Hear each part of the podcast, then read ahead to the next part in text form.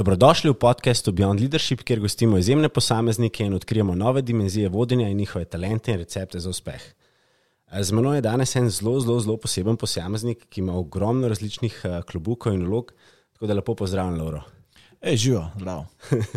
Zdaj, preden začneva, pa pogledava v tvoje izjemne dosežke, razmišljanje, kako ti vodiš, kako ti eh, dejansko deliš, pa, pa opolnomočiš svoje ekipe.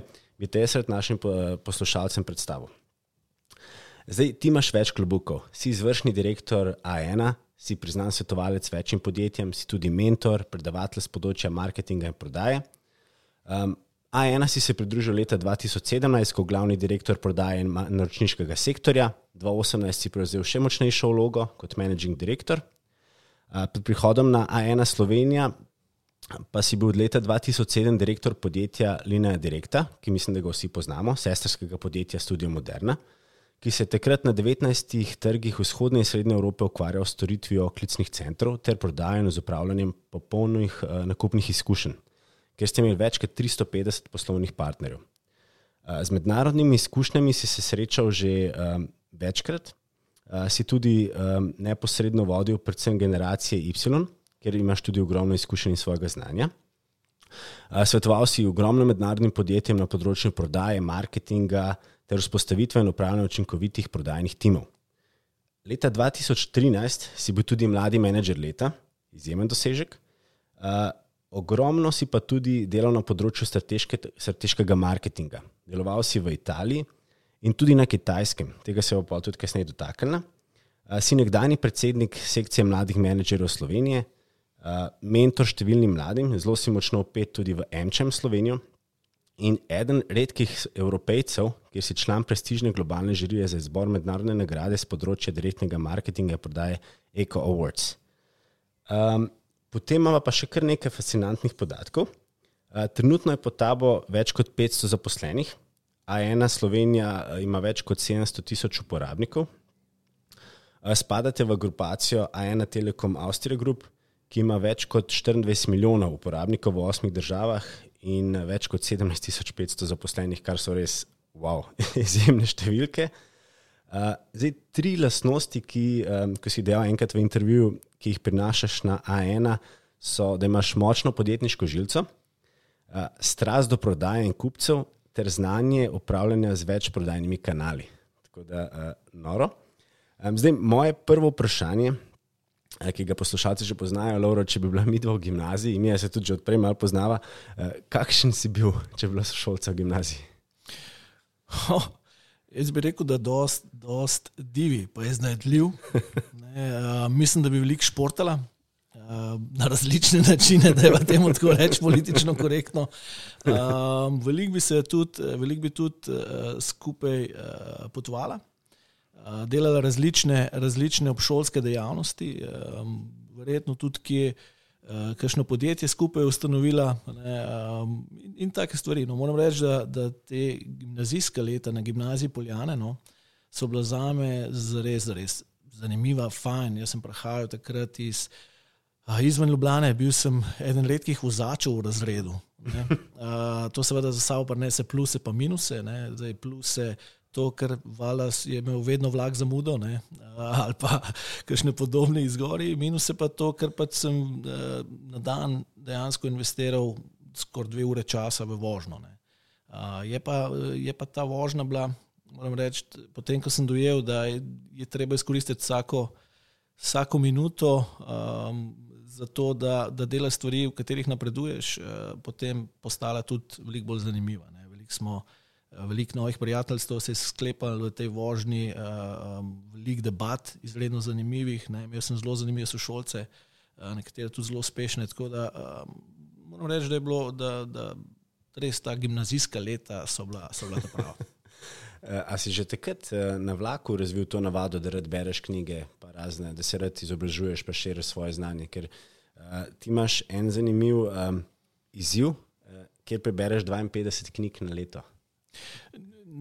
To je izziv, se pravi, nisem jih še prebral, rad bi, rad, leto sem pred deseti, uh, rad bi jih prebral 52, prečem pa mi ni kvantiteta tako pomembna kot to, da uh, seveda iz teh knjig nekaj vzamem tudi zase. Berem različne knjige, no, uh, trenutno berem knjigo Ris, uh, to je eno, ena izpoved enega, enega uh, slovenca, ki je, imel, ki je v bistvu bil v specialni enoti in opisuje vsa, vsta ta proces učenja, uh, treningov in tako naprej, kako je, kako je postal. Um, Potem uh, pripadnik specialne enote, moram reči, izredno zanimiv to. Um, v gimnaziji sem, nisem bil tako, da bi rekel, še zauzet v tej še, smeri. Še. Ja, um, vse to sam veš. Ne. Takrat smo bili mladi, ne. ti grejo predvsej druge stvari po glavu kot, kot osebni razvoj v tej smeri. Ne. Kako pa, kako pa zbiraš knjige, ali gledaš kakšne priporočila? Ali, jih, ja, v bistvu, v bistvu največkrat, uh, preden izberem knjigo, uh, si preberem recenzijo, um, pogledam tudi. Uh, um, nek povzetek, uh, predvsem stil pisanja, ali mi je blizu ali mi ni blizu. Um, ne maram zelo visoko teoretičnih knjig, ampak uh, dosti praktičnih, da se lažje predstavljam in mogoče tudi kakšne stvari upeljem v, v, v svoj vsakdanjik. Um, imam približno tri teme, recimo, v katerih se iz, eh, največ, iz, največ berem. Ena tema je behavioral economics, se pravi zanima me vse z področja, zakaj se ljudje odločajo tako, kot se. Um, to, je, to je ena tema, kle, recimo je Den Arieli ali pa Kahneman, recimo sta tista predstavnika, predstavnika te sfere. Um, druga taka tema je pač vodenje, nasploh leadership, vodenje, različni principi. Uh, tretja, tretja tema je pa v bistvu bolj poljudna zanima me zgodovina, zanimajo me um, recimo uh, tudi uh, vojaške veščine uh, in, in podobne stvari. Ne. Taktike. Taktike, uh, disciplina in, in tako naprej. Tako da, uh, različne področja berem, no, uh, ker uh, 52 knjig, to sem pa dobil na svetu od enega kolega. 52 knjig samo z enega področja hitro postane nezanimivo, začneš pre, preskakovati dele v knjigi, uh, in dejansko ne odneseš dovolj. Um, zakaj pa sem se odločil za to? Ne? Jaz mislim, da smo. Um, internet je prinesel veliko dobrih stvari, ampak uh, ima pa tudi izredno uh, negativen del in to je, da smo nehali poglobljeno uh, študirati stvari, nehali smo poglobljeno razumeti stvari. Um, bolj in, instantni smo ratali, velikrat uh, se zamenja v glavi. Uh, znanje o tem, kako najti informacijo uh, na mesto znanja, kaj ta informacija je, ali pa to, to znanje je, ali pa to uh, sama osebina je. Uh, knjiga ti pa da, ti pa da to poglobljeno, poglobljenost, uh, um, sprošča veliko več domišljije. Uh, in Ugotovil sem, da je to čas, ki ga namenim, recimo, tudi čas, ki ga res zase naredim. Ne. Se pravi, res se dejansko umiriš, fokusiraš na eno stvar in, in moram reči, da mi, da mi zelo paše.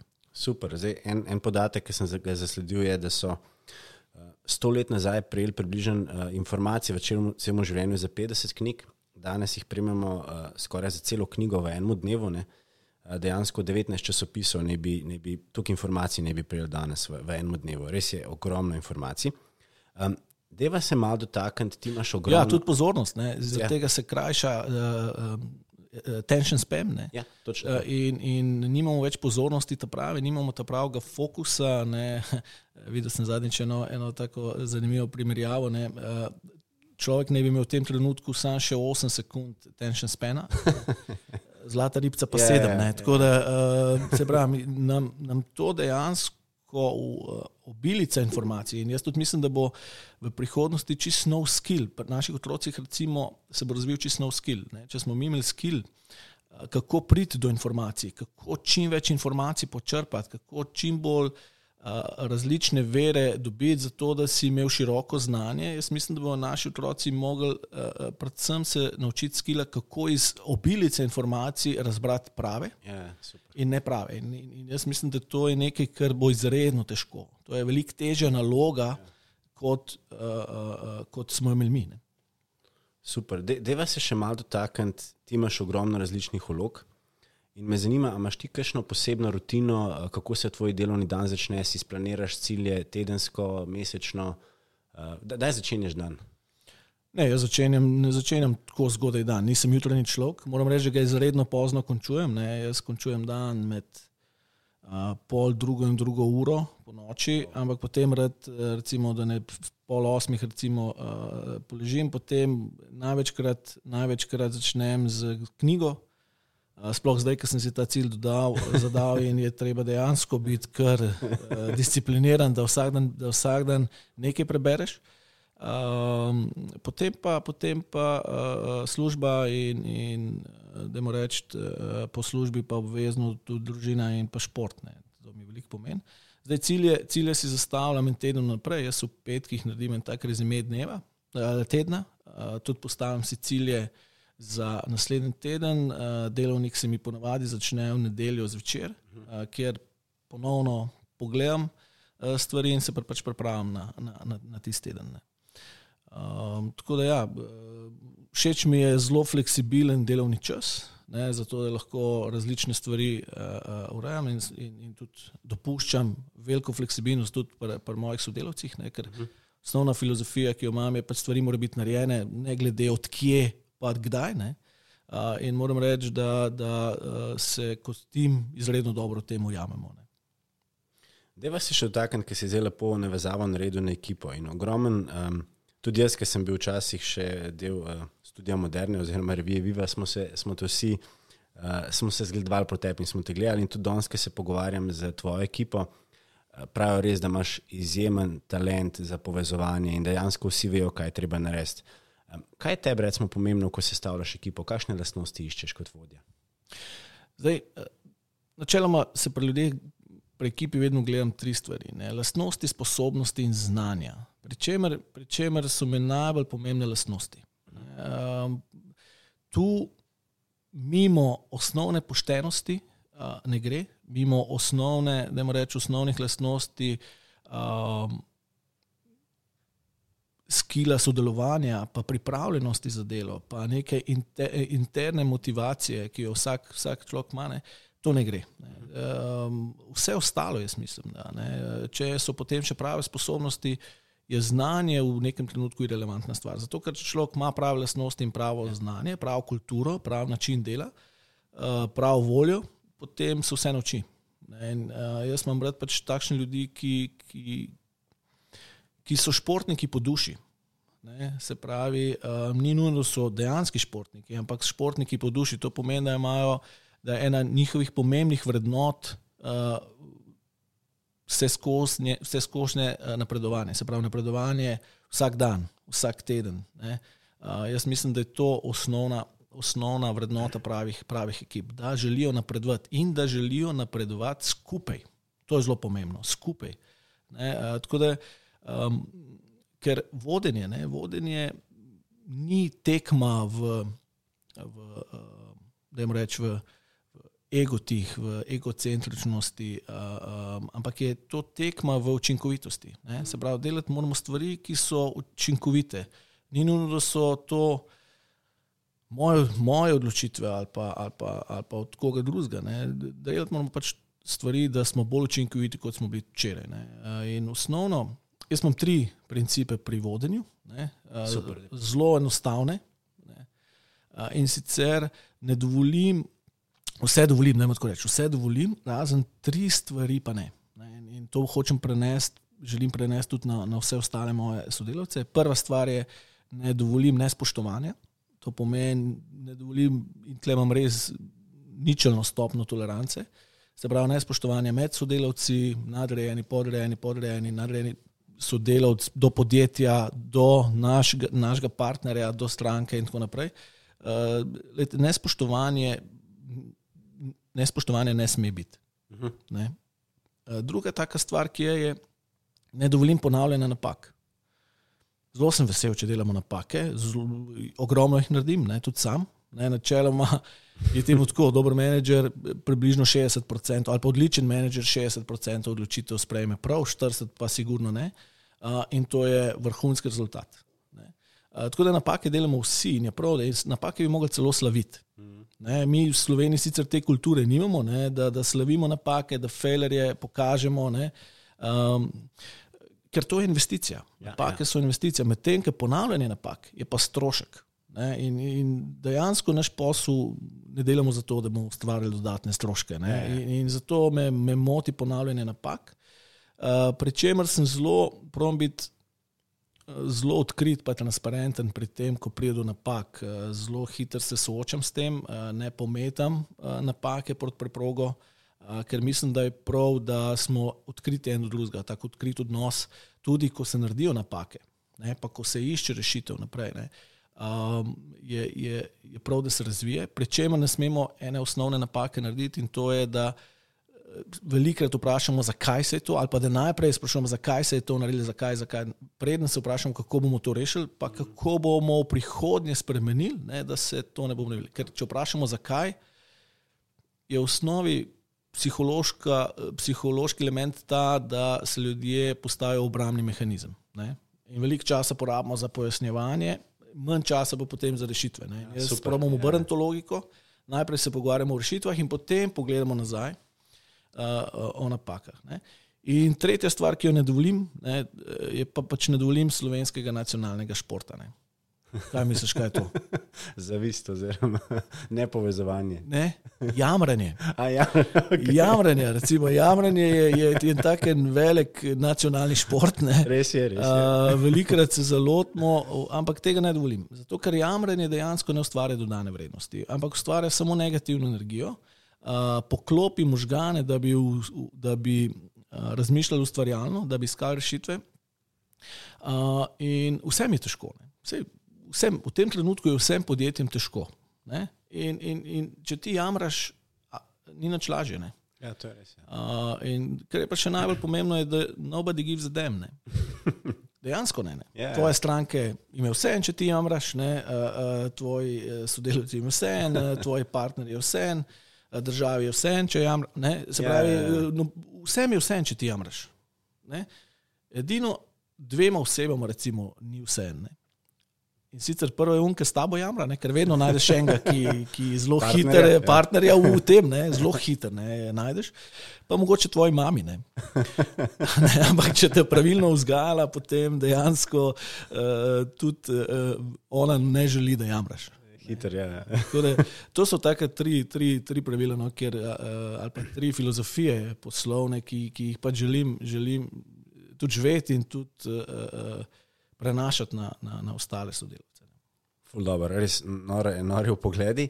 Deva se dotakniti, če, če greva zdaj na, na kontrastran. Se pravi, eh, zdaj si omenil, kakšne lastnosti iščeš v ekipi. Eh, Kakšne lastnosti mora imeti pa danes vodja, vodja prihodnosti? Zdaj, po nekih raziskavah se izpostavlja uh, IQ, se pravi uh, čustveno inteligenco, DQ, digitalno inteligenco, pa OQ, oziroma uh, uh, organizacijsko inteligenco. Se pravi, da vse to gre skupaj. Kaj, kaj recimo ti misliš, da mora imeti danes nek vodja prihodnosti?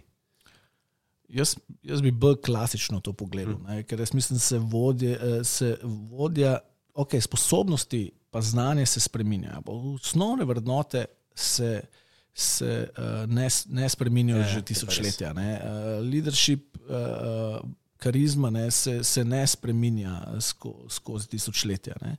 Um, jaz mislim, da, jaz mislim, da, da pravi vodja uh, mora biti coach. Pravi vodja mora biti tako ima transformacijski vodja. Se pravi, mora iz svoje ekipe uh, potegniti največ. Ne. Pravi vodja se mora zavedati, da ni odgovoren za rezultate, ampak je odgovoren za ekipo, ki te rezultate naredi. Ne? Pravi vodja dela ljudi okoli sebe samozavestne. Glavna vloga pravega vodje je, da naredi okoli sebe ljudi, ki so maksimalno samozavestni. Ne? In še en element. Pravi vodja mora narediti okoli sebe ljudi, ki ga lahko kadarkoli zamenjajo. In, in, in če, če, če, če se mi zavedamo te vloge, ne, potem, uh, potem ekipa fa, fantastično funkcionira. Ne, okoli sebe imaš A-playerje, okoli sebe imaš samozavestne playerje, ne, uh, okoli sebe imaš ljudi, ki hočejo vsak dan napredovati. In ko enkrat to dosežeš, da, da uh, vidijo, da je ekipa bolj pomembna kot oni posamezno, mm -hmm. si naredil svoj job. Si naredil svoj job, ker potem je vse lažje. Ne, potem je vse lažje, in, in jaz mislim, da, da, da se te parametri vodenja ne spreminjajo. Ja, seveda, v, z, z novimi znanji, z novimi sposobnostmi, mora vodja biti tudi uh, on the edge tega. Ja, mora tudi razumeti. Uh, ja, ni nujno, da čisto razume tehnologijo. Jaz mislim, da je bolj, da ljudi razume, ja, ki upravljajo te, to tehnologijo, uh, in pa da jim, da, da jim da moč, da jim da moč odločanja. Um, jaz, jaz, jaz se spomnim ene, enega nasveta, ki sem ga dobil. Uh, Ki sem ga dobil od enega mojega mentorja, ne, vodja nikoli ne odgovarja na vprašanja. Ne ampak vedno zastavlja vprašanja. Ne? Ker ljudje morajo sami priti do vprašanja. To je tako, kot za vzgojo svojih otrok. Ne? A jih želiš, a jim želiš ribe prenesti, ali žel, ja, ja. želiš jim ribe, eh, eh, jih naučiti, kako ribe loviti. In jaz mislim, da prave vodje učijo ostale, kako ribe ujeti. Dati dodatno samozavest, seveda tudi maksimalno podporo, mhm. takrat, ko je težko. Ne?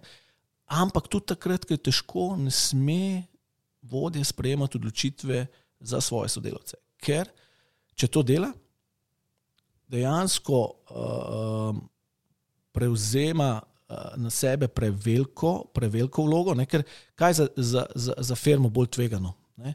Da vodja sprejme neko kompleksno odločitev, kjer ima v povprečju dve do tri minute časa, da prvič sliši zadevo, drugič jo razume in tretjič se odloči, ali da nekdo, ki je o tem tri ure prej razmišljal, ima vse informacije in tako naprej, uh, uh, se odloči. Jaz mislim, da je, je najbolj, najbolj ja. tvegano za firmo, da se šef odloči.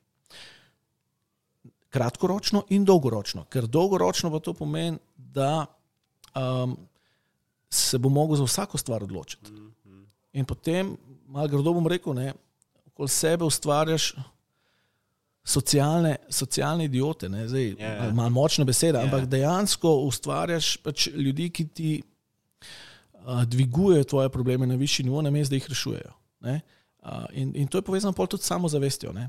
Kdaj si bolj samozavesten, če ti sprejmeš odločitev, ali da je nekomu preneseš, pa ne, nekdo yeah. drug na mestu tebe sprejme odločitev na dolgi rok. In, in to je osnovna, osnovna moja filozofija. Ne, ustvarjati ekipe, ki bodo samostojne, ki se bodo odločile samostojno, pri tem jim maksimalno zaupati, seveda jih čelenžirati, seveda odločitve poznati, seveda tudi uh, uh, kakšno, uh, uh, uh, imamo reči, kakšno kontrolo, uh, kontrolni mehanizem uvesti. Uh, absolutno, zato da so zadeve po, uh, vsaj v tem percepcijskem smislu maksimalno pod kontrolo. Zdaj mi vse pod kontrolo noben ne moremo imeti. Ja, Zdaj, to, kar ja, ja, mislimo, da lahko imamo, je, je, je napačno. Uh, in več stvari, ki imamo pod kontrolo, delamo osnovno napako. In to je, več stvari vlečemo na sebe, več stvari imamo pod kontrolo, prej postanemo bottleneck. Ja, ja. In ker enkrat šef postane bottleneck, je ga organizacija odrežena. Mm. Ali pa zapusti. Ne, in to je osnovi, osnovi napaka, ki jo veliko vodi dela. Vleče na sebe stvari um, zaradi osnovnega nezaupanja do sodelavcev. Zgodaj pa zelo enostavno. Če ne zaupa sodelavcu, je bolje, da ne dela z njim. Ja, ja, ja. ja. Ali pa vse nared, da mu boš lahko zaupal. Da je ta skupaj prve taske narediti, ne? da je ta si postaviti neke realne, realne, realne cilje in videti, a gre ali ne. Zdaj, no, navdušen sem res nad tvojim odgovorom. In uh, dve stvari uh, bi se dotaknil. Eno je se pravi opolnomočenje, drugo je pa, ki si izpostavil, in ni veliko vodi, ki bi dejansko to uh, javno tudi povedal, da hočeš pripeljati ekipo tako daleč, da dejansko si nadomestljiv. Kar se mi zdi zelo, zelo nora logika in absolutno se mi zdi, da je to prava smer. Da dejansko toliko zaupaš ekipi, toliko znanjem daš, um, da te lahko danes zamenjajo in bo, bo, bo podjetje preživelo. Ne?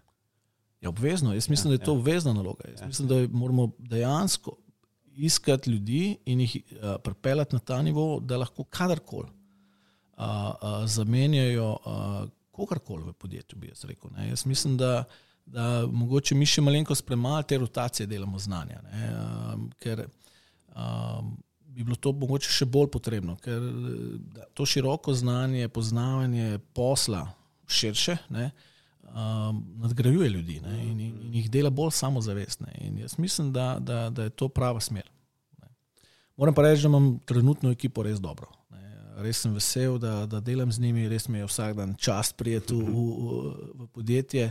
Uh, cenim predvsem ekipo, ki zna tudi reči argumentirano ne. ne. ki zna dejansko uh, se jaz temu rečem, prepirati z argumenti, ne, ne, ne, ne, z, ne z tonom. Ne. Yeah. Ja. In moram reči, da ta ekipa zdaj najena. Pa ne samo, ne samo moja ekipa, ampak tudi eh, mislim, da leadership ekipa, ki je eh, nekaj Srbov, nekaj Slovencev, zdaj enom na čelu, mislim, da je fantastično vzdušje, to se čuti tudi v organizaciji, ne na zadnje se to čuti tudi v eh, rezultatih, ki zadnje tri leta, moram reči, so, so, so dobri in smo ponosni na njih. Tako da to vzdušje je zelo pomembno. No. Da, se dotaknem, prej si omenil še in ti si tudi uh, zelo močno upet v, v razne mentorske vloge. In si tudi omenil, da se ti zdi zelo pomembno, da, da si imel tudi ti mentorje. Ali lahko malo več zaupaš, koliko se ti zdi to pomemben, imaš kakšne, kjer je mentorje si imel, kdaj, tako, če lahko malo se te, te teme dotakneva. Uh, jaz mislim, da je mentorski ali pa coach, ne, ja. mentor ali pa coach pomemben ne, da, da, da, da ga ima vsak. Jaz mislim, da, da uh, so nekatera vprašanja, recimo, vsaj za, za, uh, za mene, ne, v tem trenutku takšna, ki, ki, ki jih lahko samo zastavim samo nekomu izven organizacije. Ne. Uh, še posebej pa je pomembno, no, da, da imaš koča, ko uh, v teh začetnih fazah uh, svoje uh, kariere. Ne, jaz, jaz bi kle. Uh, spostavil na študiju Moderni, tako Sandija, ne, ki mi je dal priložnost. In, uh, takrat sem še zelo mlad, najmlajši direktor v, takrat v skupini, izredno zelen. Izredno zelen. Uh, in, um, mislim, da, da, da je ta šola, študij Moderna, res ta prava šola za vsakega, za vsakega mladega človeka, ker je izredno zahtevna. Izredno zahtevna um, več trgov, več kanalov, posebna kultura. Po drugi strani je bil pa moj mentor Duško Kos. Uh, moram reči, da sva, uh, sem se od njega veliko naučil. Um, moram reči, da je veliko časa investiral v mene, uh, predvsem na način, da me je challengeral. Predvsem na način, da je večinoma časa me sprašval, me challengeral uh, od začetka. Uh, moram reči, da je bilo izredno neprijetno. Velikrat sem sanjal oba, ne? tiste prve, prve leta, ampak moram reči, da uh, sem pač človek, kjer so mi izzivi všeč. Ne? Že na faksu se spomnim, jaz sem bil bramboslovec in uh, sem bil edini, ki je um, za mentorja vzel neko uh, profesor iz mednarodnih odnosov. Ne. Vsi so rekli, da je nekaj, zakaj tega treba. Ne. Če boš sklepal, nas boš to naredil uh, uh, na hiter. Uh, jaz sem kar nekaj časa delal na diplomu. Okay. Ja, sem si zakompliciral, veliko ste se vprašali, zakaj tega treba. Ampak taki challenge so mi všeč. Meni so všeč težki, težki izzivi, kompleksni izzivi. Uh, ker energije mi nikoli ne zmanjka. Ne, um, in, uh, moram reči, da, da pri težkih izzivih, ko enkrat zmagaš, ne, je zadovoljstvo še toliko večje. Yeah. Ja. Tako da, ja, mentorstvo je pomembno. Uh, tako da jaz bi se odval vsakmu, da si dobi nekega mentorja, ki mu lahko zaupa, ki mu lahko da ne samo po, po poslovni plati, jaz mislim, da tudi po človeški plati uh, določene nasvete, ne odgovori na mogoče določena vprašanja in pa predvsem v smer, v, v, v prava vprašanja, ki si jih itak moraš sam zastaviti. Ne. Jaz sem pač tako, uh, si rad sam zastavim vprašanje. Zdaj, sicer dobim smernice in potem pa probam sam. Ne. In uh, teže, teže je, da nekdo reče, tako bi mogel. Uh, tok, uh, Tok tega odpadnika je še v meni. In večina ljudi probojajo sami priti do, do spoznanja. Naj, najboljše je, ko sam priješ do ja, spoznanja. Ja, ja. Ne, absolutno se strinjam in tudi se mi zdi. Uh, ki si izpostavil, najdete si mentorja ali pa koča. Uh, jaz imam oboje, uh, se mi zdi res zelo, zelo pomembno, ker ti res odprejo neke dimenzije. Deva se malo dotakniti še tujine, uh, ker se mi zdi tudi en, en pomemben faktor, zakaj si tako uspešen, zakaj si tako izjemen. Um, tudi jaz sem kar nekaj časa preživel v, v, v Ameriki, skoraj štiri leta, ti si pa dejansko študiral v Italiji, hkrati si tudi bil svetovalec večjim podjetjem v Italiji in celo na kitajskem. Da ne malo piš to izkušnjo, pa kako se ti zdi danes pomemben, da, da imaš to uh, globalni majce, da ti dejansko res odpre malo obzorja. Jaz mislim, da je to zelo pomembno. Um, jaz mislim, da Slovenci velikrat iz dvega vidika, velikrat Slove, je Slovenija zelo ozek, da imamo reči tesni poligoni in velikrat ne razumemo globalnih smernic. Ne. Po drugi strani pa tisti, ki mal potujemo, pa mal poskušamo videti tudi izven Slovenije, začnemo ceniti Slovenijo boljš. Ne, jaz se spomnim, kako ko sem se vračal iz Kitajske. Um, takrat se, se vračala s partnerko nazaj, Kristino. Uh, pa jaz moram reči, da sem neki zelo velik patriot, ne? uh, ker gledam na svet kot, kot, uh, kot moja, moja, da jim rečem, moja rodna gruda. Ne? Ampak, ko sem se takrat vračal, ko so pristajala iz letališča, uh, iz, z avionom iz, iz Dunaja, so pristajala na Brniško letališče, so mi tekle solze. Ko sem videl, kako je Slovenija lepa, kako je Slovenija ja. zelena, kako da se vračam nazaj, kjer je pač dom, kjer, kjer dejansko so ljudje, ki jih imam rad. Uh, moram reči, da mi velikokrat pozabljamo na to, da Slovenija je en velik res je, res je. paradise, ne? en, en, en, ena velika. Uh, lepota, ne, vse nam je pri roki. Ne, da sem, recimo, karikiram, kaj mislim s tem, vse nam je pri roki. Ne, tukaj le potrebujem v Sloveniji približno 7 minut, da pridem od doma do pisarne. Na kitajskem sem rabu 2 uri in pol od doma do, do, do pisarne, oziroma wow. do Ebja. V eno smer. Ja, ja. Se predstavlja 5 ur na dan, ja, ja. porabe za commuting, pri čemer je ne, ker eh, Peking je že takrat imel devet, eh, obvoz, eh, šest obvoznic, ne, zdaj jih mislim, da jih ima devet ne, in je enormno, enormno mesto.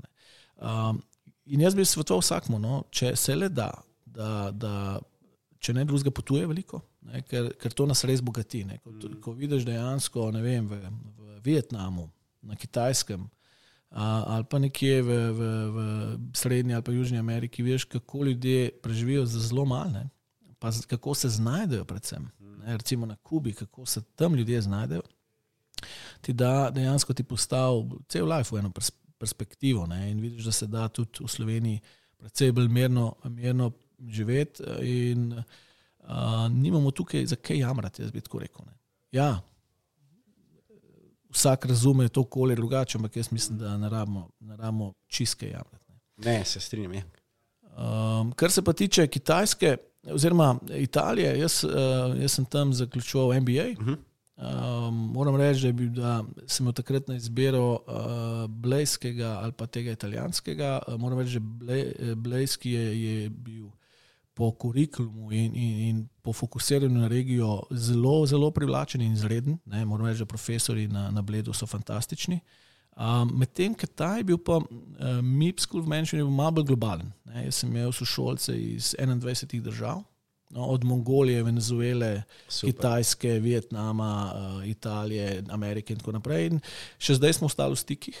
In no, ta globalnost takrat mi je bila izredno zahtevna, moram reči, ne, ker sem le družboslovc, ne, potem sem šel. Uh, delati MBA, kjer je bilo za, za me veliko novega no, in delovniki naporni. No, ta mi je pol pa tudi omogočil, da gremo na Kitajsko, kjer, sem, kjer smo skoraj en leto uh, z partnerko preživela, delala tam za eno italijansko podjetje ženskega spodnjega perila. Moram reči, da je bila ta izkušnja zelo zanimiva. Zelo zanimiva uh, ampak uh, moram reči pa, da življenje na Kitajskem je bilo izredno zahtevno. Uh, mislim, da so bile tiste percep, tista percepcija, ki sem si jo ustvaril pred odhodom na Kitajsko, uh, o, o neki, da jim rečem, uh, v neki državi, ki, ki, ki je zaostala, ne, ki, ki je kulturološko čist druga, ne, je bila zelo napačna. Mm. Uh, vse v teh velikih mestih, Peking, Šanghaj, bolj. Grobega kapitalizma, kot sem ga videl tam, recimo, ga, ga, ga, ga je ne mogoče videti kjerkoli drugje. Tako da sem imel na čist napačno percepcijo. Uh, izkušnja izredno dobra, um, ampak zelo, zelo zahtevna. No. Deva, deva se malo še dotakniti um, tvojega vodenja. In sicer vsi vemo, da je lansko leto marca prišel, uh, prišla pandemija. Uh, Ogromno industrij se je zelo, zelo uh, hitro digitaliziral, e-trgovina naj bi zrasla celo uh, za deset let uh, v enem letu. Tako da me zanima, kaj bo pa tvoj prvi, uh, prva reakcija ker od enkrat je prišla pandemija, ogromno stvari je bilo treba delati nadaljavo od doma. Kako ste se vi, kako ste si ti tega lotil? Ja, jaz bom čisto odkrit. Ne. Prva reakcija je verjetno tako, kot pri vseh blag, ki smo odkriti do sebe in do ostalih, je, je bil uh, strah pred neznanim. Ne. Mm. Mi dejansko uh, nismo točno vedeli, kak, kako se bo stvari odvijale, težko smo napovedali vnaprej. Um, in ne samo jaz, no, mi smo se kot cela organizacija, jaz mislim, da vrhunsko odzvali. Ker ti strah pred neznanim uh, premagaš z dvema elementoma. Ne.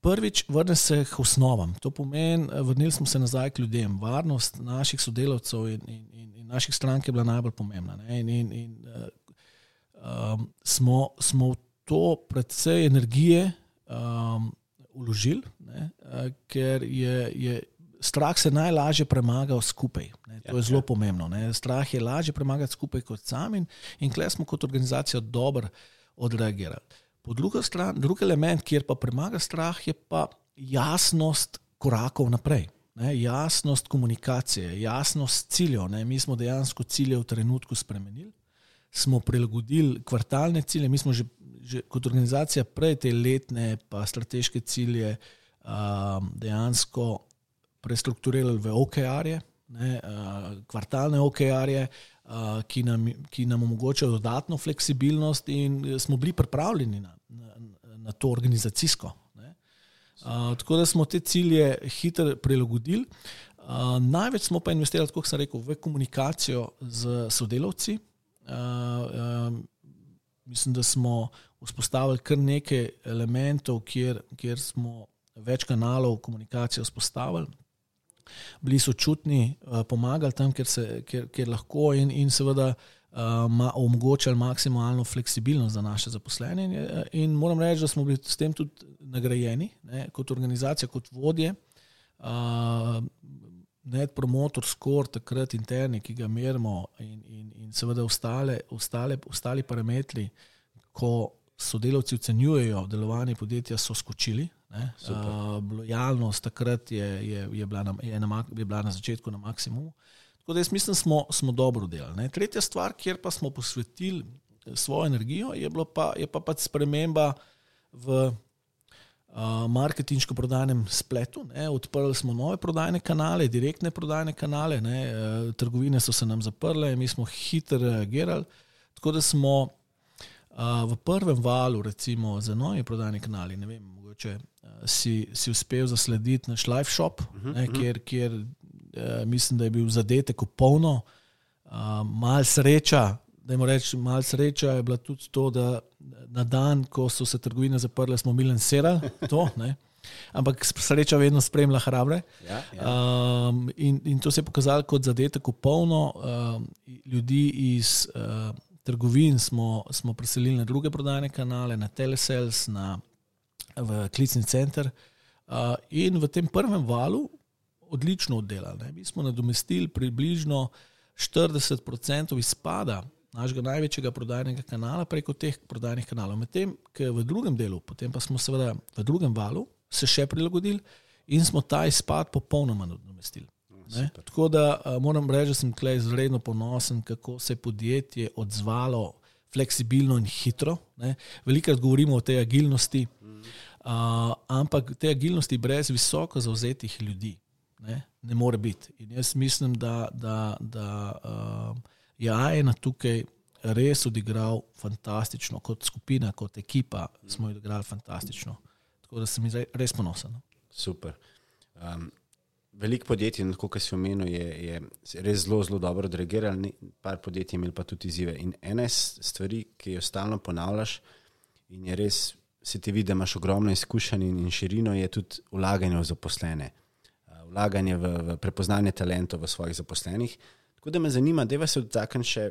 Vi imate v skupini nek program, ki se mu reče Group Young Potential, uh -huh. uh, kjer izberete 25 zaposlenih uh, iz celotne grupacije. Da nam malo več pove. Let, letos, če imam prav, so v bistvu bili izbrani tudi tri Slovenci.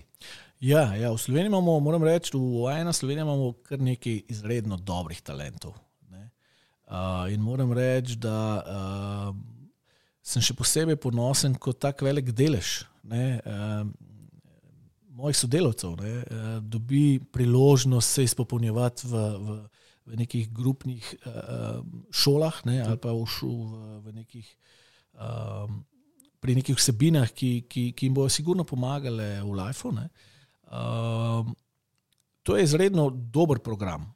Uh, moram reči, da je izredno zanimiv program, kjer od vsakega posameznika zahteva uh, ne samo, da posluša vsebino, ampak da tudi nekaj pokaže, da tudi nekaj naredi. Uh, s tem dobijo posamezniki ne samo novo znanje, ampak tudi vidnost v, v grupi, ne, ker uh, v takih velikih korporacijah je oboje pomembno. Ne. So pomembni rezultati, je pomembno tudi vidnost. Uh, uh, in seveda, konec koncev, vsi grejo za to, tja, da dobijo nov skill. Uh, moram reči, da sem zelo ponosen, no, da, da, da tako velika organizacija kot je Telekom Avstrija, grupa, ne, um, investira v ljudi res veliko. Uh, moram reči, da jim da to priložnost. Um, in, in jaz mislim, da je to nekaj, kar, kar se vedno splača. Ne. Vedno je return na, na takšne stvari. Ne. Ker dobiš uh, iz tega res, res izdelane posameznike, uh, ki potem prenašajo. Recimo, še ena zelo pomembna, zelo pomembna element je ne, v tem, v tem uh, teh 25 ljudi, ki prihajajo iz cele grupe in uh, večinoma so mladi, voljni izmenjave informacij in znanj. In mi smo kar nekaj dobrih poslovnih praks iz drugih držav Super. dobili na ta način. Ne. In moram reči, da to je res dobra stvar. Tako bi svetoval vsakmu podjetju, no, ki da, da postavi nek tak zelo uniformiran način izobraževanja, uh, kjer, kjer je seveda tudi selekcijski postopek del tega, ne, uh, seksipilnosti tega, da imamo temu tako reči. In uh, um, ker return obstaja. Ne, return obstaja, včasih se ga, ga je težko zmeriti, ampak return obstaja tako pri lojalnosti, tako pri zauzetosti, tako pri novih idejah, novih priložnostih, kjer pa na koncu dejansko lahko priješ do evrske vrednosti. Ne, in mislim, da je to res dobra stvar. Deva se še malo dotakniti inovacij in razvoja. Zdaj sem tudi kar, kar nekaj časa preživel v teh, uh, teh vlogah pri BTC-ju. Uh, Imenili ste tudi, uh, tudi, da ste v času pandemije lansirali zelo, zelo močno trgovino. Kako ste dejansko lahko inovativen v, v, v tem svetu? Vem, da zdaj tudi govorimo o 5G-ju, ki prihaja, ki bo vse pohitril, omogočil veliko več možnosti. Um, jaz mislim, da da je tako, da je en ukvir postavljen. Inovativnost, ja, lahko. Inovativni si pač to, kar imaš znanja in sredstev, da je temu ja, tako ja, reči. Ja. Mislim pa, da je, da, je, da je zelo pomemben mesič ta, no, da najprej moraš inovativnost postaviti v nek širši kontekst. In sicer jaz mislim, da uprava, prava uprava ali pa top management ne, mora razmišljati na treh horizontih. Ne. Uh, prvo je horizont optimizacije, ne, kjer ti dnevno optimiziraš svoj posel. Se pravi, dnevno tvikaš stvari, uh, izboljšuješ konverzije, uh, performance in tako naprej. In, in, in to je zelo pomemben del. Ne. Potem mo, je, je drugi horizont, to je horizont transformacije, kjer se moraš isto ukvarjati, ampak s transformacijo celotnega podjetja. Ne. Od tega, da greš iz. Uh, da se digitaliziraš, da tam to markete skrajšuješ, da, da, da najdeš nove, neke nove poslovne priložnosti, da revenue streame nove pripeleš v podjetje in tako naprej. Se pravi, da se, in da seveda da se tudi kot ljudje način dela transformira, ne? da je veliko hitrejši, da je veliko več sodelovanja, da iz tega kaskadnega, silosnega sistema greš v, v agilne ne? metode in načine dela. In to je ta, ta drugi horizont. In tretji horizont je pa horizont, v katerem mora dejansko vsak bord razmišljati, je pa horizont disrupcije. Se pravi, kaj so tiste stvari, ki bodo disruptale tvojo uh, osnovno dejavnost v naslednjih letih. Ne? Mhm. Kaj so tiste stvari, kjer dejansko bojo rasti v poslu največje. In, in, in uh, jaz mislim, da uh, morajo bordi. Pa posamezniki, ki so člani bordov, recimo, razmišljati, razmišljati v, uh, v, v to smer, na teh treh horizontih. In inovativnost je možna pač na vseh treh yeah, ja, horizontih. Yeah, yeah. Tako na optimizaciji, transformaciji in disrupciji. Mi velikrat o inovativnosti razmišljamo, bodi si o transformaciji ali pa o disrupciji, ampak inovativnost, ne, kako um, dvigati recimo konverzijo v retailu iz 18% na 25% ne, vsak dan, kako zamenjati prodajni dialog, kako offer spremeniti, tudi inovativnost. Yeah. Ne?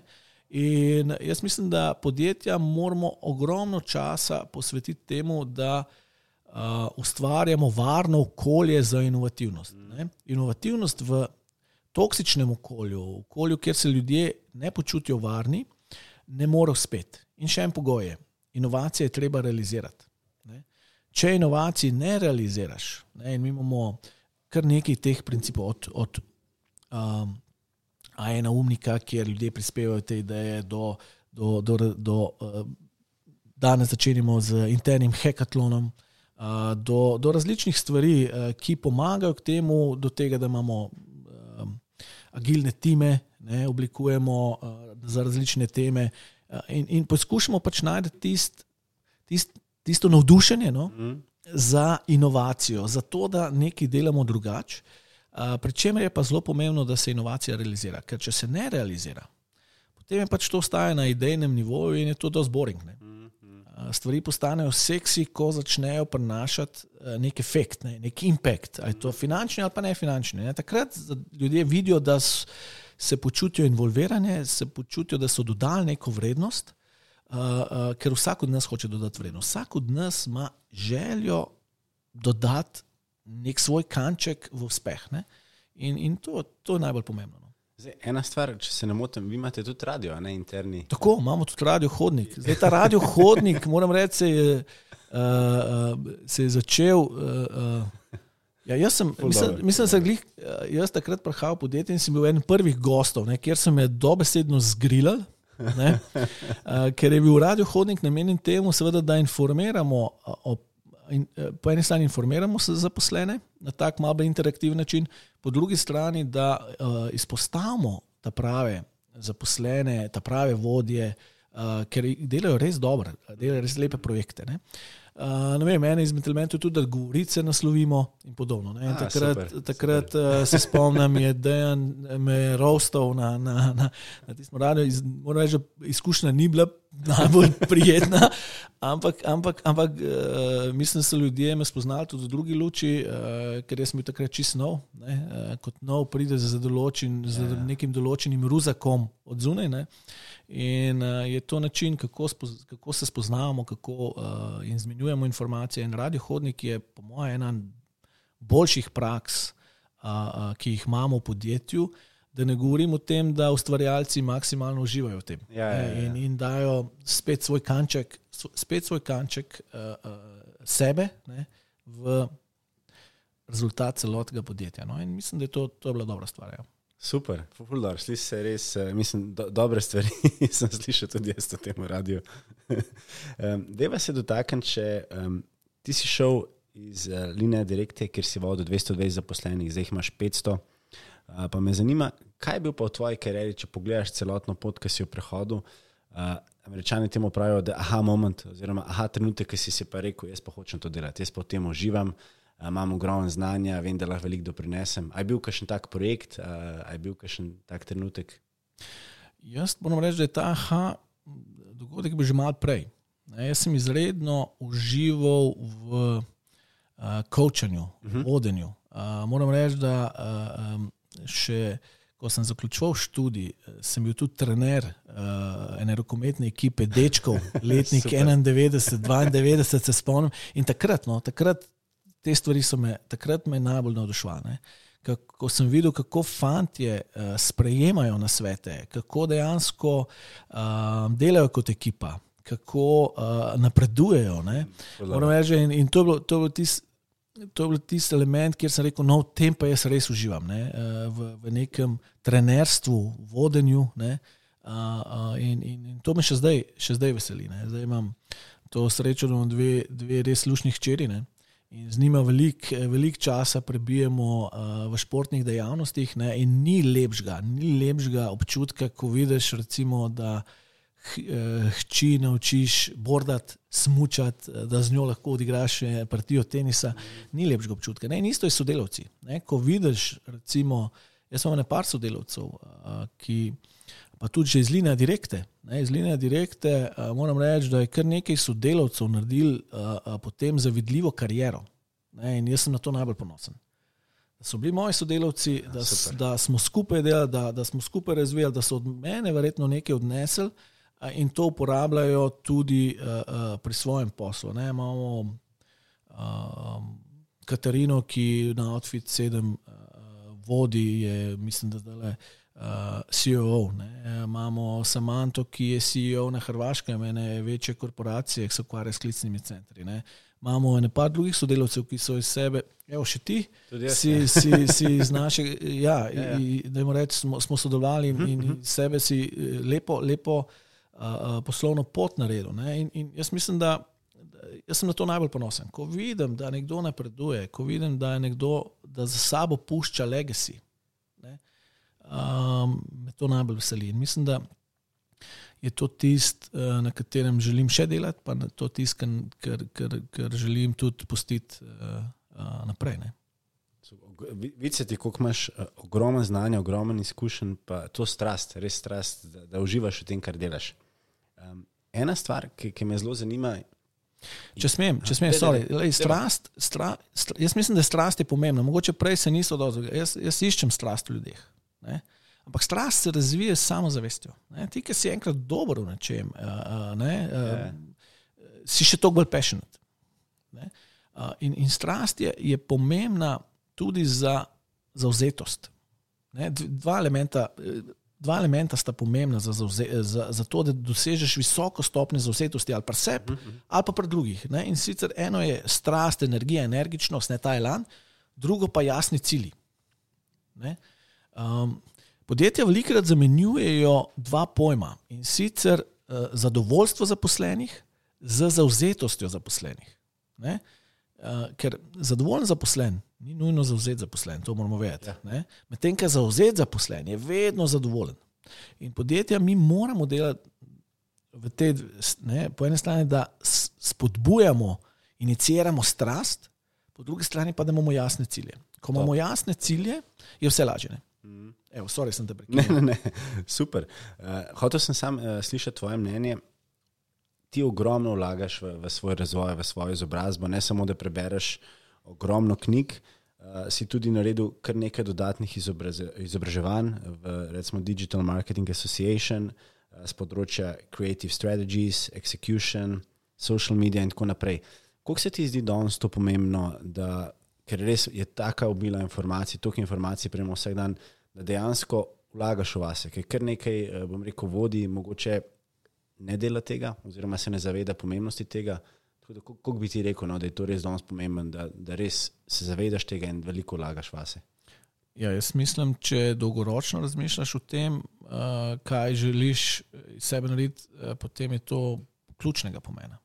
Se strinjam, mi si premalkrat čas vzamemo za to. Ne. Uh, velikrat, se, velikrat se zgubimo v operativnih stvareh, ne, v operativnih odločitvah. Uh, um, kot sem že prej govoril, ne, je to velika napaka. Namesto da bi se ukvarjali tudi s svojim razvojem. Ne, ker, uh, kako boš razvijal ostale, če se sam ne razvijaš? Ja, Ne? In jaz mislim, da, da ta pravi vodje uh, 20-25% časa namenijo tudi tem. Ne? Uh, ni, ni lahko, ne? ker to vse se zajeda v balance, balance private uh, business, ne? ta čas. Ampak uh, ta pravi vodje gledajo ali pa gledamo na, na, na, na svoj posel kot poslanstvo, kot lifestyle in je to del lifestyla. Ne? A pa bi rekel, da je danes sploh eh, neka, nek mejnik oziroma ločnica med work-life balance, ker ogromno vodi, ki sem se pogovarjal recimo z Blažem Brodnjakom, z Damienom Kraljem, v bistvu vsi uživajo v svojem delu in dejansko se zavedajo, da je pomembno, da se odklopiš, ampak hkrati, ker pa imaš tokrat svoje delo, si dejansko kar skozi malo pet. Ja, pet si skozi. Pet si skozi. uh, uh, tudi jaz sem. Ne? Tudi jaz sem skozi pet, uh, ampak z- najdem pa dnevno trenutke, kjer, kjer se izklopim. Uh, by the way, najbolj me izklopim, to sem, najbolj se izklopim recimo uh, na smučanju. Ne? Ko grem z, z malima, recimo, pa ko gremo vsi smučati, ne, uh, uh, sem ugotovil, da me to najhitreje spravi, uh, na, na, najhitreje dobim energijo nazaj. Ja. Ne, ker je fokus na smutnju, na lepote, na gore, na gibanje in, ne, in, in na uno druženje. Eh, večinoma, v večini primerov nimamo niti televizije, ne, sabo in imamo neke družabne igre in to, to nas povezuje kot uh, družino. In, in moram reči, da to sem gotov, da je, naj, da je najbolj učinkovit način, kako čez vikend to narediš. Uh, tako da velikrat, ja, veliko velik pravimo športati skupaj, ker uh, to, nas, to nas druži. Ne. Fulor, ne, se, se, se, te spremem in vidim, da res uh, delate cele, cela mesta iz Lego Kozki, da verjetno imamo v Sloveniji zdaj. Uh, Tvoja ščirka, ki bo naslednja svetovna prvakinja. Jaz mislim, da ni, ni nujno, ne, tudi ne želim, da uh, nisem zihar še v tem trenutku, da bi želel, da je svetovna Aha, da gre po tej poti. Uh, kar je meni pomembno v tem trenutku, da razvije športne vrednote. Pa da uživa, ne, ker se vidi. Da... Zdaj v tenisu glih ne uživa. Ne? ne. Tenis, tenis, je, tenis je tak poseben šport, uh, izredno zahteven šport. Um, načeloma uh, psihologi razlagajo, da se tenisa ne igra za veselje. Ne? Um, moram pa eno anegdoto, recimo. Ne, kako, prosim, ja. Ja, jaz, sem bil, jaz sem tako zelo uh, znam biti impulziven, ne.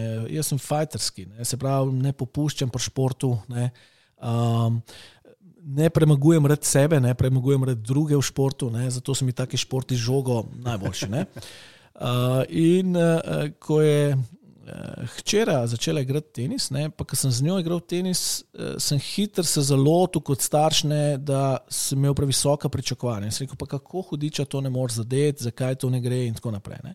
Dokler nisem šel v šolo za starše vrhunskih športnikov. Ker pa so mi razložili, da wow, je to pa top. Ja, ja veš zakaj? Ja. Kaj se zgodi? Velikrat se zgodi nam staršem, da imamo pričakovanja večja kot, naše, kot je naše znanje ali pa, ja, ali ja. pa, ali pa ne samo znanje, ne, da sploh razum, razumevanje nekega športa. Ne. In uh, sem hotel razumeti ta šport. Tudi, recimo, uh, zdaj bom šel delati tečaj tenisa.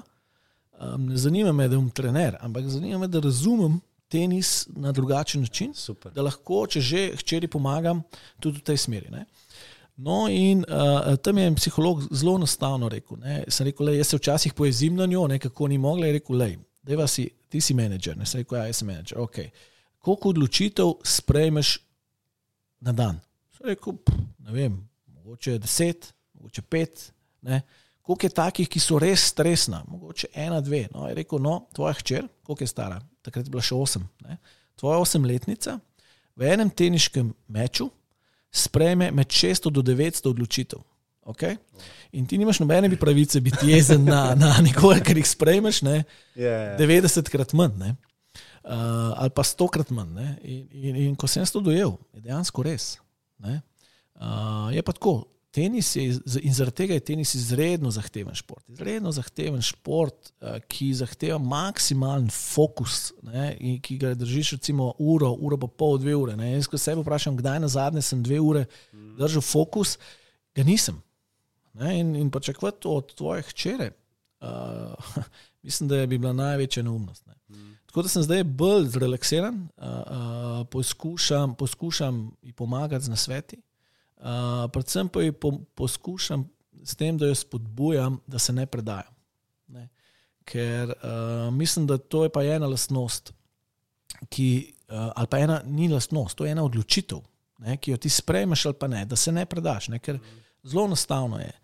Človeka, ki se ne preda, ga je ne mogoče premagati. Ne mogoče. Ne? Samo človeka, ki se preda, ga lahko premagaš. Ne? Pa tudi, če, bil, če se nisi predal, pa si izgubil, nisi izgubil. Ne?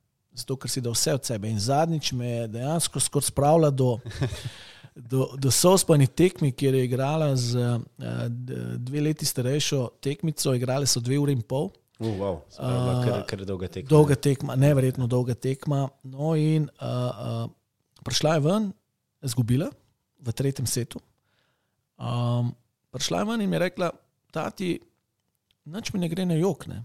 Tako, okay, ne, ker ponovadi yeah, ja, mala yeah. Ja. za jokajo, ker si želijo zmagati in je to dobro. Uh, in sem rekel, ja, kako pa to je rekla?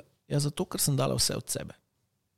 Jaz sem tako, oh, oh, oh, čakaj, to pa je nekaj, kar. kar ja, ja, ja, ja, to se reko, no, veš, ta občutek, da daš vse od sebe. Ne, sem vprašal, koliko pa ponosna od ena do deset. Ne, rekla deset. dal sem vse od sebe. No, vse, ko veš, ta občutek je pa to, kar, na katerem moš graditi. Ne? In to je, bilo, to je ena taka stvar, ki mislim, da, ki mislim, da, da, da, da, da je kul cool v starševstvu. No? Mm. Da doživiš take trenutke, um, še posebej, ker, ker veliko lagaš v, v, v to, ne? da, da, da, da so otroci kul, cool, pa uspešni. Ne? Zdaj sem se kar naježil, ker si to zgodbo res noro. Um, Deva se navezava na šport, ker, ker jaz sem tudi kar lep čas bil um, športnik, še danes sem aktiven. Kako se ti zdi pa to pomemben, če gledamo malo paralela športa pa, pa posla? Dejansko se naučiš sprejemati zmage, kot tudi poraze, veš, da je treba iti naprej, je ta ustrajnost, ki ti jo dajo, ta borbenost, tudi tekmovalnost. Jaz mislim, da to je, vrednote so iste. Ne? V poslu ali pa v, v športu. Ne? Je ena pomembna razlika, ena zelo pomembna razlika in to je, kako gledaš na kariero, ne, pa kako gledaš na posel. Šport ponavadi je tekma, končna tekma. Ne? Se pravi, začne, ima jasna pravila, začne se točno tako in konča se točno takrat. Medtem ko v pos, poslu pa je neskončna igra. Ne? Če gledaš na poslu kot neskončno igro, potem, potem uh, uh, drugače igraš. Ne? Če ti gledaš na poslu kot končno igro, Ja, ja. kvartalno igro, dnevno igro, letno igro, potem igraš drugače, kot če, igraš, kot če je to neskončna igra. Ne? Uh, in in to, je, to je edina razlika. Vrednote so pa identične. Ne? In jaz sem najbolj vesel, recimo, da, da, da sem iz staršev omogočil, da sem veliko športov probil, tudi dolg, dolgo leta igra, dolg, dolg let igral rokomet. Um, rokomet je, je taka zelo zanimiva igra. ne. Um, igra, kjer je, je, je ekipen šport, ne, kjer sam ne moreš nič, ne, pa kjer jih dobiš velikrat na gobec, ne, če si odkrito. In, in se moraš pač znati pobrati potem. Ne. Jaz sem bil še pač, nisem najbolj visoko rasel ne, in sem jih velikrat dobil na gobec, zdaj va temu tako reči. In sem mogel pač razviti druge stvari, ne, hitrost, eksplozivnost, iznajdljivost. Uh, pregled nad igro. ne, Uh, in in uh, moram reči, da od rokometa sem veliko odnesel. No. Tu- Tudi jaz, tudi jaz sem kar, kar lepše streniral, res zelo, zelo lep šport. Um, ena stvar, ki me blazno zanima, je konstruktiven feedback. Um, in sicer veliko, veliko krat se pogovarjamo, uh, oziroma veliko vodi izpostav, da daje feedback na način uh, sendviča, se pravi, prvo dobra informacija, potem nekaj slabega, potem spet nekaj dobrega. Uh, kako ti gledaš na to, kako ti daš, uh, recimo, konstruktiven feedback, pa potem bi se dotaknil še, um, kakšno je tvoje razmišljanje glede motiviranja zaposlenih, kako to delaš. Um, zdaj, feedback, jaz mislim, da je najbolj pomembno pri feedbacku, da, da, da, da ga daješ, ne? Pa da si konsistenten pri tem. Ne? Zdaj, ja, tudi način, kako daješ, je pomemben. Mislim, da pa je bolj pomembno, da prepoznaš dobre stvari in slabe stvari. Ne? In da reagiraš na oboje. Jaz mislim, da konsistentnost sklepa, frekvenca je bolj pomembna kot ton. Uh, mislim, da moraš biti odkrit, ko daš feedback. Uh, jaz velikrat ne pakiram stvari. Um, tudi ne obremenjujem se z eh, sendvič in podobnimi metodami, ampak Ja. pač povem to, kar mislim. Uh, povem odkrito, povem z veliko mero strasti in pa povem zelo argumentirano. Poskušam, poskušam vedno vsako situacijo, pozitivno ali pa nekaj, postaviti v širši kontekst. In jaz mislim, da je to najbolj pomembno. Se pravi, da poveš, kakšen dolgoročen impact nekate, neka zadeva a, a, a, ima. Jaz sicer, glede na to, da sem športnik, uporabljam še malo bolj športne metode, imam tudi rumen pa rdeč karton. Ne? Pa izključitev, ne, hecam rdeč karton, veva, Ja, kaj pomeni. ja. ne. A, a, in ljudje, moram reči, da uh, niso bili navajeni na, na, na, na, tak, na, tako, na, to, na tako plastično ponazori- po- ponazoritev, uh, kot rumen karton je, ne, uh, uh, negativen feedback. Ne. Ko ti rečeš, le, sorry, ampak to je zdaj rumen karton. Ne. Uh, mi dva sva igrala, sva športnika, veva, kaj to pomeni. Ne? Uh, uh, in, in vsi športniki, ki dobijo rumen karton, ne, sej ne dobijo velikrat, by the way, Ja, ja, ja. ampak za, za stvari, kjer imam ničelno stopno tolerance, se dobi, ne, um, razumejo pomen tega. Uh, in lih zadnjič sem se pogovarjal z enim izmed naših dilerjev, uh, kjer sem se vpletel v, nek, v neko stvar osebno um, z, z enim njegovim prodajalcem in sem mu dal rumeni karton. Ne? In ta, ta prodajalec je bil rokometaš tudi, Golman. In še zdaj ne pozabi tega rumenega kartona. In, in, in ker, sem, ker sem rekel, ko enkrat dobiš rumen karton, ne zgine več. Ne? No, in zdaj smo se pogovarjali, in eh, temu je še vedno tako pri srcu ta rumen karton, da zdaj ga bomo motivirali na ta način, da bom osebno vzel rumen karton nazaj. Ja, ker, ker je res dober človek. Moram reči, da je, da je vzel to takrat zelo pozitivno in napredoval osebnostno, in ima zdaj vrhunske, vrh, vrhunske rezultate, vrhunski odnos do stranke in se je zaslužil to. No. Deva se dotakniti, če, um, če bi šel lahko nazaj v preteklost. A je kakšna stvar, eh, oziroma kakšen svet bi si dal, a je kakšna stvar, ki bi jo ki bi rekel, ne, Lauro, pet reš tako ali pa reš uh, po tej smeri? Um, ja, jaz mislim, da um, bi sigurno kakšne stvari naredil drugačne. To, to, to absolutno ja. Um, jaz mislim, da uh, me velikrat, so me velikrat stale uh, predpostavke vnaprej. Ne? Veliko napačnih odločitev sem naredil zaradi predpostavk, namesto da bi testiral, sem raje predpostavljal. To je ena taka, ena taka stvar, ki, ki, ki mi je položil tako v zibel, kot še Sandy Češko, pa nisem najbolj verjel. Ne? On mi je rekel zelo enostavno, Loro. Um, um, assumption is a mother of all fuck ups. Ne? Ko enkrat predstavljaš. Uh, ne, si predstavljaš vnaprej, pa nisi se testiral, ne, si, že, si že naredil napako. Uh, in velikrat se nam je zgodilo, ko smo se rekli, to bo šlo, to ne bo šlo, ne, to bo kupci kupili, to ne bojo kupili. Ne, to, no, uh, smo gledali posebne.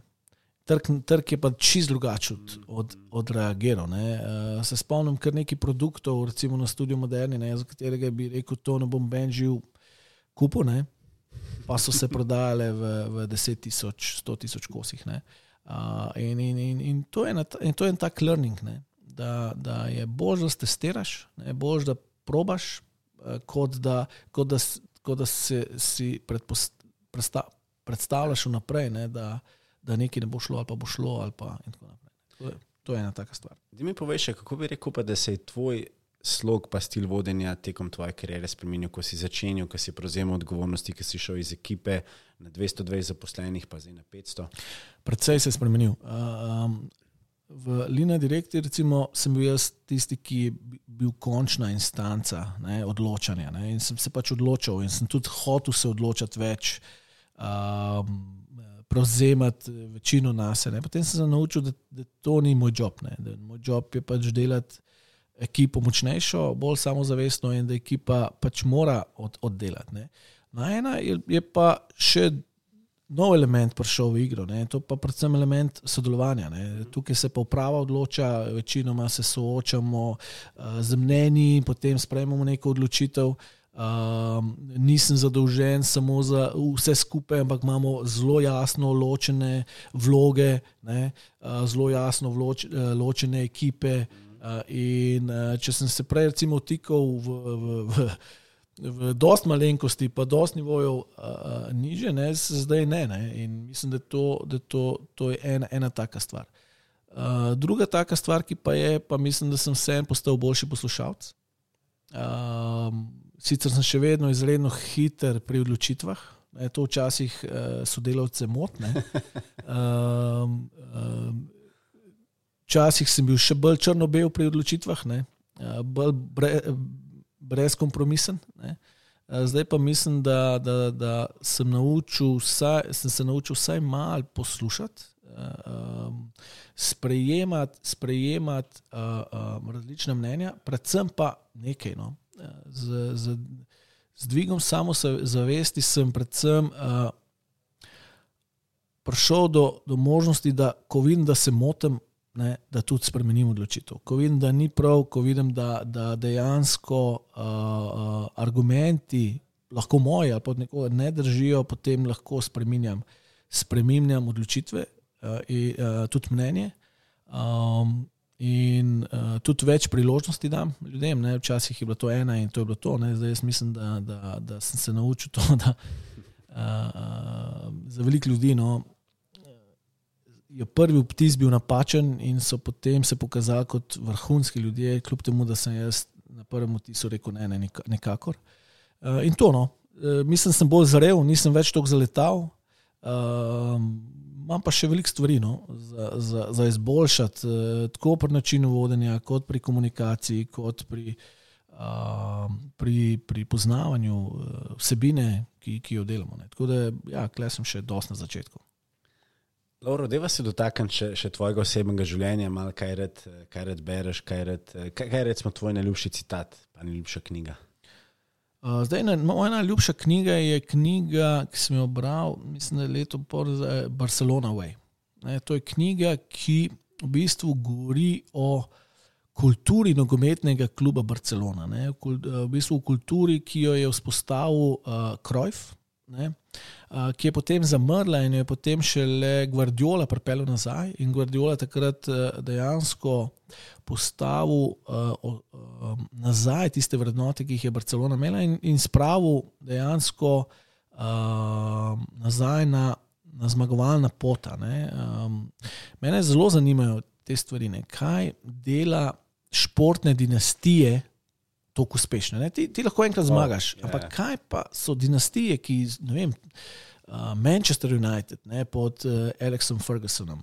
Uh, Chicago Bulls pod uh, Philom Jacksonom, yeah. um, Lakersi, Boston Celtics, um, ali pa recimo pod Belčikom, uh, tale, um, uh, kaj so že, uh, zdaj mi je pa všel, no, uh, ameriški nogomet. No, Ja, ja, vem, kaj misliš. Uh, uh, New England Patriots. Uh, se pravi, uh, mene to zanima, kaj, kako lahko top menedžerji, trenerji prispevajo k oblikovanju dinastij. Ne?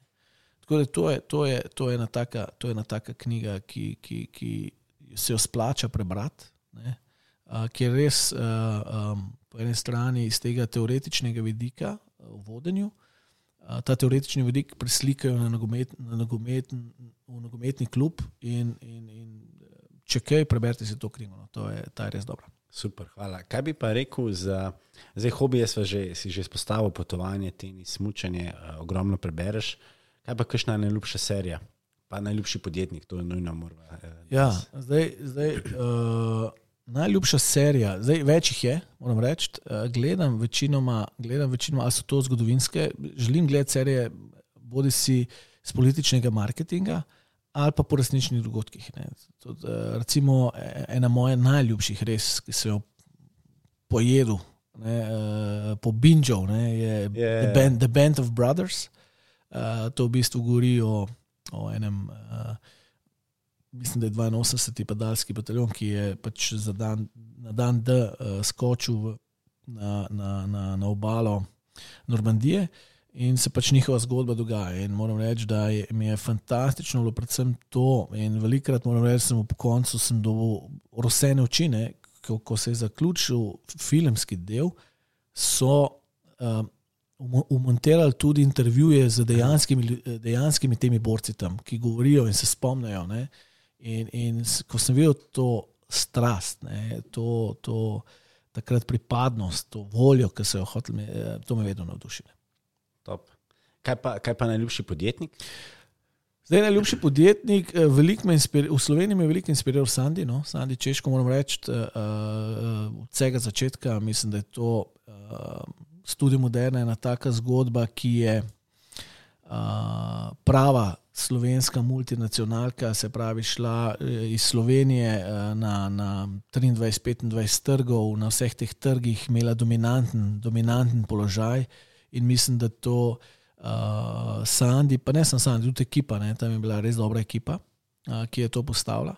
Uh, tako da uh, tudi zaradi tega sem se jaz pridružil z največjim veseljem, ker sem tle videl eno veliko inspiracijo. Um, takrat, takrat Lina Direkt iz Studio Moderni.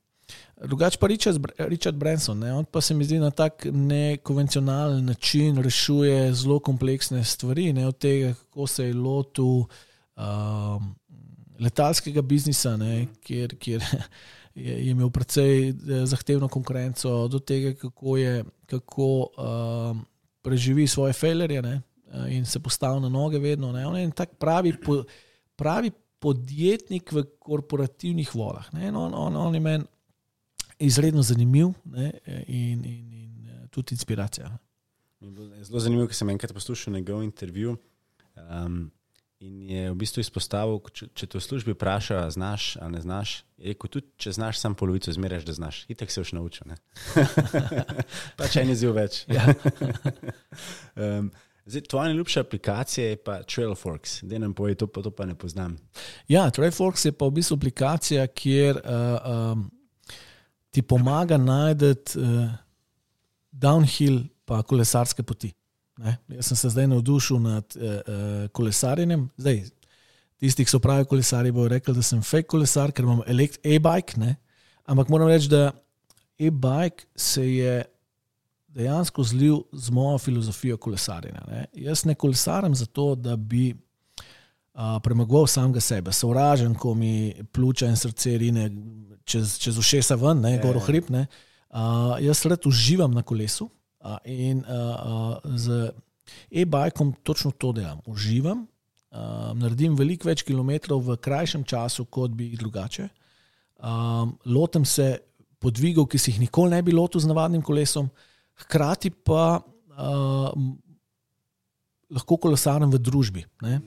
Uh, ker si pač prilagajaš. Medtem, ko z navadnim kolesom, če je en zelo močen, ne, uh, težko z njim kolesarš. Ne. Uh, in lahko tudi veliko debatiraš na kolesu, kar je meni še posebej fajn. Uh, moram reči, da sem kar nekaj sestankov naredil na kolesu uh, in, in, in uh, res uživam. No, in ta Trade Forks pa pač uh, po celi Sloveniji so noter urisane te kolesarske, predvsem downhill poti, te, uh, temu se reče singlece, oziroma uh, take malo bolj adrenalinske, uh -huh, uh -huh. Uh, ker uživam v tem adrenalinu. Ne, po, po, nadomešča smutanje po zimi. In, in moram reči, da, da, da, da je res dobro. Tako da ta, ta aplikacija, vsi, ki ste na kolesu, je, je pomenilo, da jo imate. Zdaj pa še, še najpomembnejše eh, vprašanje. Eh, in sicer zaključno vprašanje. Zdaj imamo že kar lepo skupnost, eh, več kot 2000 poslušalcev, že več kot skoraj 19 tisoč poslušanj, vse skupaj. Tako da od študentov do predsednikov, prav do direktorjev, kaj bi bili tvoje tri, recimo, zaključne nauke ali pa tvoje zaključne nauke, bi ga delil z našimi poslušalci? Um, vse, ne par sem jih že omenil, ne sem mhm. mogoče povzel. Uh, prvi je seveda assumption is a mother of all fuck ups. Ne. Nikoli ne, ne, ne predpostavljamo naprej, da jemo testirati, ne. nikoli se ustaviti zato, ker predpostavljaš vnaprej. Naslednja stvar je, um, ne glede na to, če misliš, da zmoriš ali pa ne, imaš prav. Ne. Ne. Ja, jaz ja. mislim, da to je vedno, vedno tako. Ne.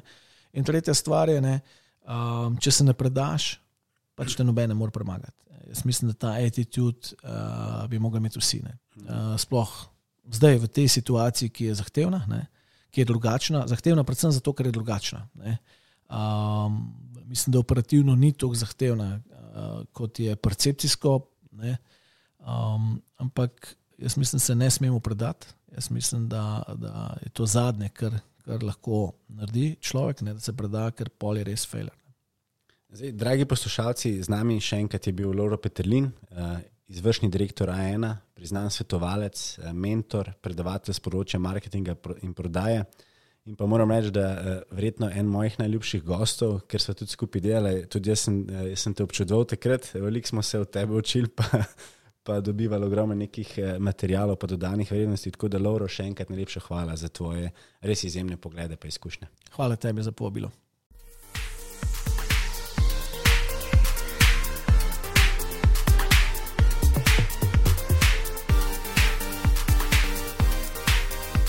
Sledite nam na vseh kanalih, kot so Spotify, Apple, Google, Castbox in tudi YouTube, LinkedIn in Facebook, kjer nas je že preko 2000.